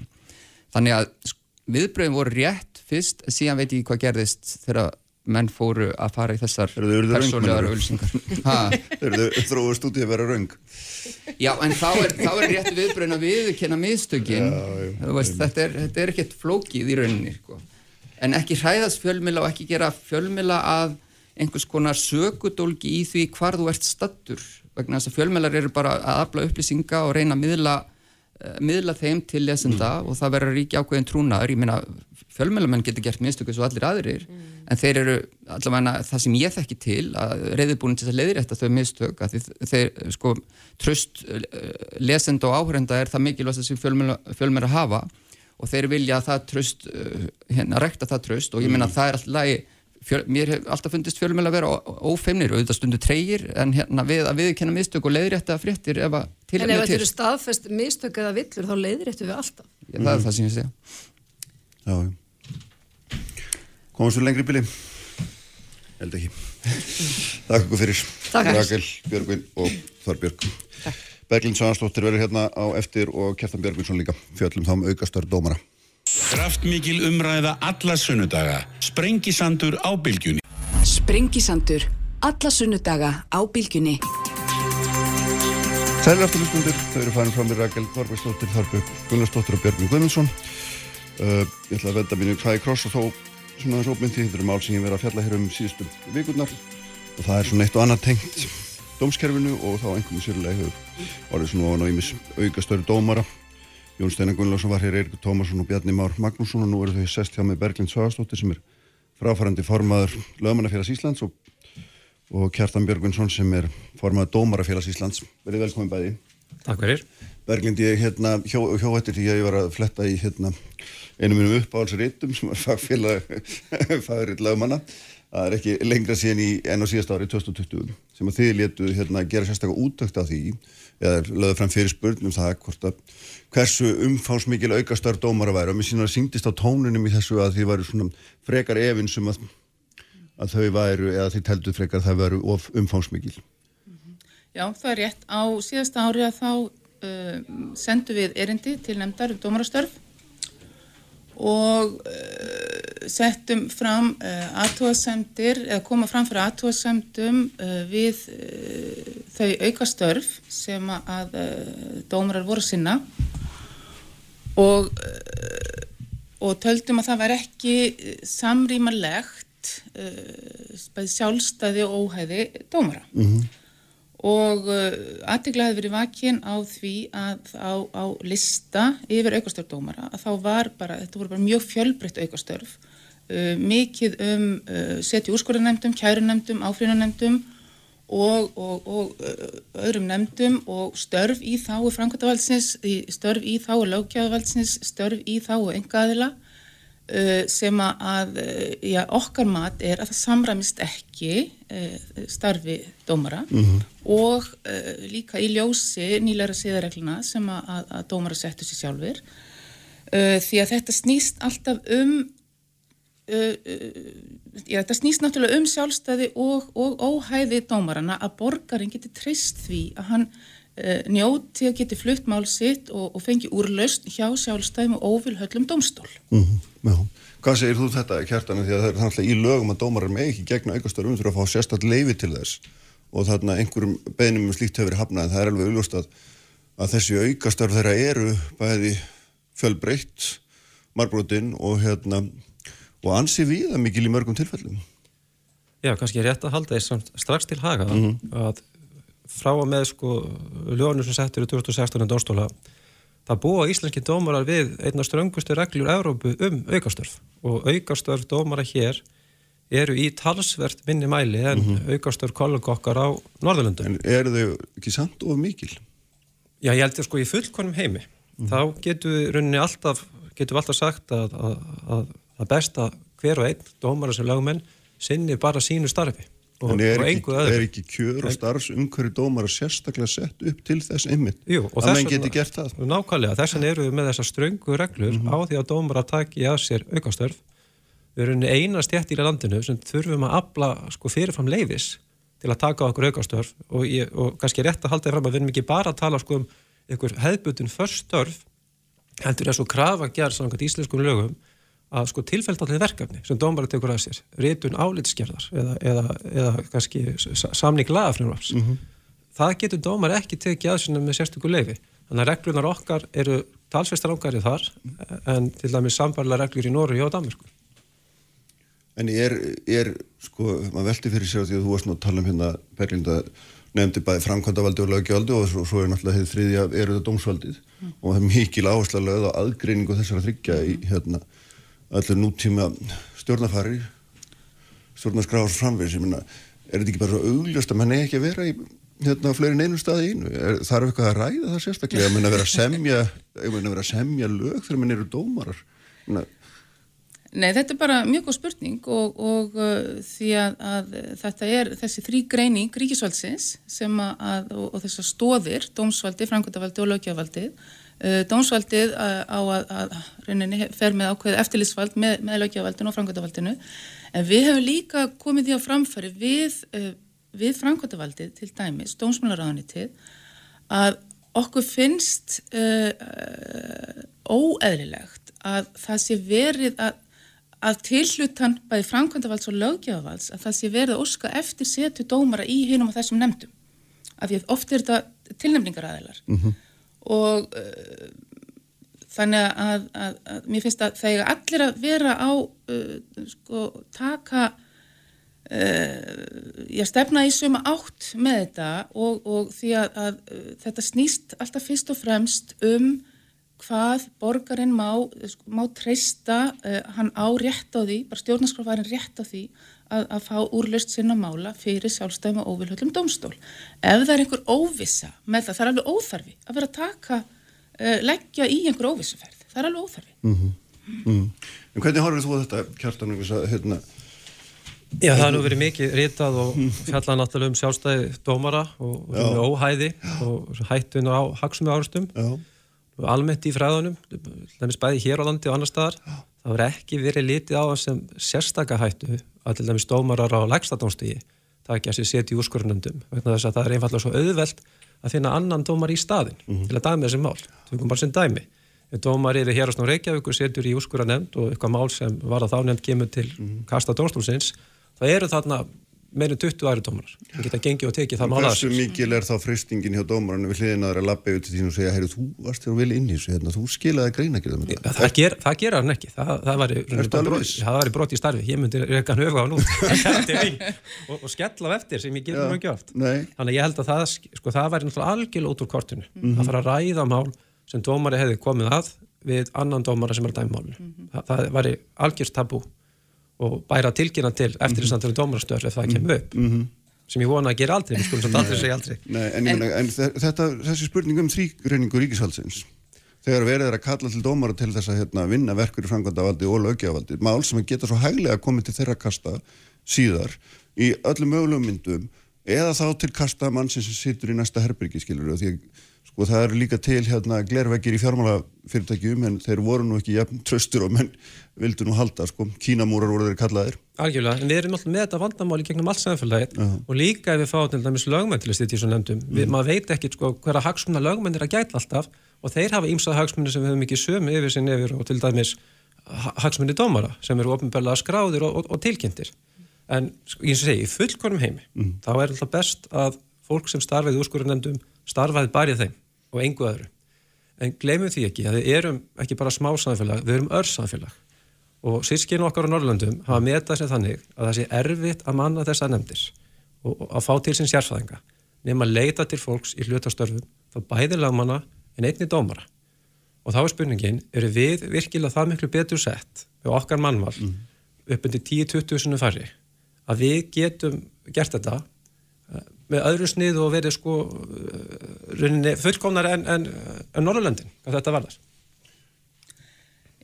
Já, en, en þá kannski uh, má velta fyrir sér í framhaldi af því sem þú ert að segja núna, Kjartan Bjarni að uh, það kann vel að vera að dómarinn hafi einmitt verið uh, valinn til setu í dómi sökum sinnar reynslu og sérþekkingar eða þekkingar á ákunum álefni eða ákveðnum málaflokki og jafnvel sérþekkingar uh, og þá uh, veldir maður því fyrir sér uh, er hans reynslu þekkingu er, er, er, er því betur farið sko, innan dómstalarins heldur en í þá viðkomandi úrskurðanemnd. Þannig ef hann er svo fenginn til að sitja í, í eða veit að ég vil formennsku einhver úrskurðanemnd eða kærunemnd eða áfríðanemnd, sökum sinna sömur einslu og, og, og, og sérþekkingar, að þá verður hann að samaskapi vanhafi til þess að, að taka á því máli í, í, í dómsalinum. Þannig að þá, það er svona, þetta, þetta veldur ákveðinu óvissu og veldur ákveðinu vandkvæði. Það er alveg rétt og þess vegna er kannski svolítið passað upp á það að í þeim nefndum þar sem kannski flest mál koma til kasta dónstóla, við nefndum til dæmis yfirskattanemnd sem fjallar um öll, öll skattamál í Íslandi. Þar hafa mér vitalega ekki verið dómarar í mjög langan tíma, ef, ef það hef, hafa einhvern veginn verið dómarar í þeim nefndum. Uh -huh. Staðir eins og svo að með lang flestar þessar nefndir, það eru hagsmuninir af því tægi, þeir eru það litlir fjáraslega að þessi mál rata nánast aldrei fyrir dóm. Það líða kannski áratugir millir þess að mál fyrir ákvörnum nefndum fara fyrir dóm og þá er kannski í, í slíkum tilvægum þá getur verið meira, meiri fengur því að fá manneskju sem þekkir þetta best hvort sem hún er lögmann eða dómari, dómari til þess að leysa úr þessu málum. Með þau mál koma hvort þessu lítið kast en, en finnst þér sem sagt kjartan sem formaða dómarafélagsins að mál séu bara í góðum farvegi hér? Finnst þér til dæmis í lægi að fórseti hægstaréttar sé með næstum 50% stöðu í Háskóla Ísland svo dæmi sé nú bara tekið? Bara eitt lítið dæmi, í líka í réttafarsnemnd og hérna, og ég man ekki hvað var mikið, það var eitthvað nokkru viðbót sem maður getur fundið, hérna, og maður getur líka snúið þessu upp á marga háskólakennara sem eru líka, hérna, nefndir að þessum lista, hérna, þegar maður fer inn á Dónstrafsísluna, þar eru nú ófá verkefni sem þeir sinna líka meðal að stjórna formenska í fyrirtækjum út í bæ og allir mögulegi hlutir, sko, ég meina, hérna, Ég held sko við komumst aldrei á þann staði neinu að það verði allt í fullkomnu lægi. Nei, en þetta er ekkert svar. Nei, ég er ekki, ég, ég, ég, ég er ekki að fara að svara þessu þannig. Ég segi sko, ég er fullan skilning á því mm. að fólki þykir þetta mikið mm. og, og þarna þykir óvinnlegt og það er, það er bara í takt við það. En er ekki fullt starfa að vera fórsiti hæstrætt? En, en sko, þetta er bara í takt við þar kröfur sem við gerum til domstölu samfélagin. Við mm. gerum miklar kröfur og það er eðlilegt að þið sæti gaggrinni. Fórsiti hæstrætt verður svo að svara því hvort þetta er á mikið. Ég starf ekki með mannunum, ég get ekki metið það hvernig hann sinni starfið sinu, en hann er þarna í sjömanna fjölskyldböðum dómi og með reynslu mín að fjölskyldböðum áfringadóstólum, mm. Þá eru þetta fljót að gera aðtöðsendir, þessast aðri dómarar ef einhver í hópnum reynist eitthvað liðlega til vinnu, það, það þýðir einfallega þau hinn þurfa að taka meiri vinnu að sér. Mm -hmm. Þannig ég rekna með að það sé rauninni eftirlit með þessu og fólk muni gera aðtöðasendir að það ekki eitthvað ólit við þetta en, og það beitna á störfum hæstaréttar. Ég ætla bara að spyrja það aftur það sem ég spyrja það á þannum. Það er kjördómara eru sérstaklega hönnum til þess og allt þeirra starfsaðstæða til þess að gera það óháða, veita þeim faglegt, fjárhastlegt hérna, og, og fræðilegt frelsíksat og, hérna, og það er það sem að ég held að fólk undri sig á, skilur að orðin fórseti hæstiréttar þá áttu að vita myndi ég halda, að þú ferði ekki í stöðu hjá annari stopnun á meðan. Já, þetta er auðvitað ákveðu afmarka mál já, sem fórseti hæstiréttar verður að, verður að svara fyrir. Já, en koma, þú er formað sko, þú ert vel inn í þessum málum. Já, það er nú þannig að sko, það er sérstök nefnd mm. sem hefur eftirleitt með þessu. Já. Hún getur gripið inn í hún tilhör þetta of mikið, mm -hmm. hún tilhör þetta að koma niður og störðum þess að tiltekna manns. Mér vitanlega hefur hann ekki gert það en þá er þá rétt að spurja formannu þegar hann nefndar hvort svo sé. Já, En ég er sko, eitt af því sem er heyri Berglindi og mjög tengt þessu er hérna og Bjarni Már talaði um þegar hann talaði um svona þöggunamenningu lögum hérna, þyrði ekki tala um þetta eða vildi ekki tala um þetta og út af það að, þarna, að dómar kynna falla gegn þeim Uh, ég á nú mjög öll með að svara fyrir hönd allra lögmanna á landinu um tæplega 1100 en, en uh, ég, nei ég held að það sé nú ekki. Því að, að sko dómstólar og dómarar og jæmt sem lögmenn það verður allir að þóla gaggrinni og, og, en gaggrinni verður náttúrulega að vera málefnilega líka. Uh, hvað Nei, ég, ég myndi nú ekki tellja það, en, en það kann vel að vera það sé, þetta sjónumið sem hefur heist, vissulega, já, já, já. vissulega. Og, og, og varðandi svona hérna, sko, þessi aukastörf og, og fræðimennsku og annað, þá það, það er mjög mikið reynsla og þekking meðal dómara sem, að, að, sem gerða verkum þeirra eftirsóknarverðir til að, að koma og, og, og, hérna, og færa fram eitthvað og miðla af sinni, sinni þekkingu og sinni reynslu. Uh, ég, nei, ég, ég get ekki sagt það, uh, Kristján, að það sé hérna einhver um, einhver svona þöggunar menning en, en menn reyndar alltaf bara passa sig á því að vera að, að, svo gaggrinni sem að, að þeir eru að koma fram með lögum koma mjög oft með gaggrinni á, á, á, á dóma og finnst þeir ekki vera eh, réttar forsendur og jafnvel segja bara að berum orðin sér rangir mm og þeim finnst það bara og já, ég hef ekki orðið verið annað en að það sé gert eða? Ég get tekið undir það sem er ábreyttur hérastumur á plani að býja við það að held nokkru sinnum í mánuði þá er máli áfríað eða kært og það snýst alltaf um það kvílugu vittlýsingur þessi dómari var en auðvitað með kurtis og orðalagi.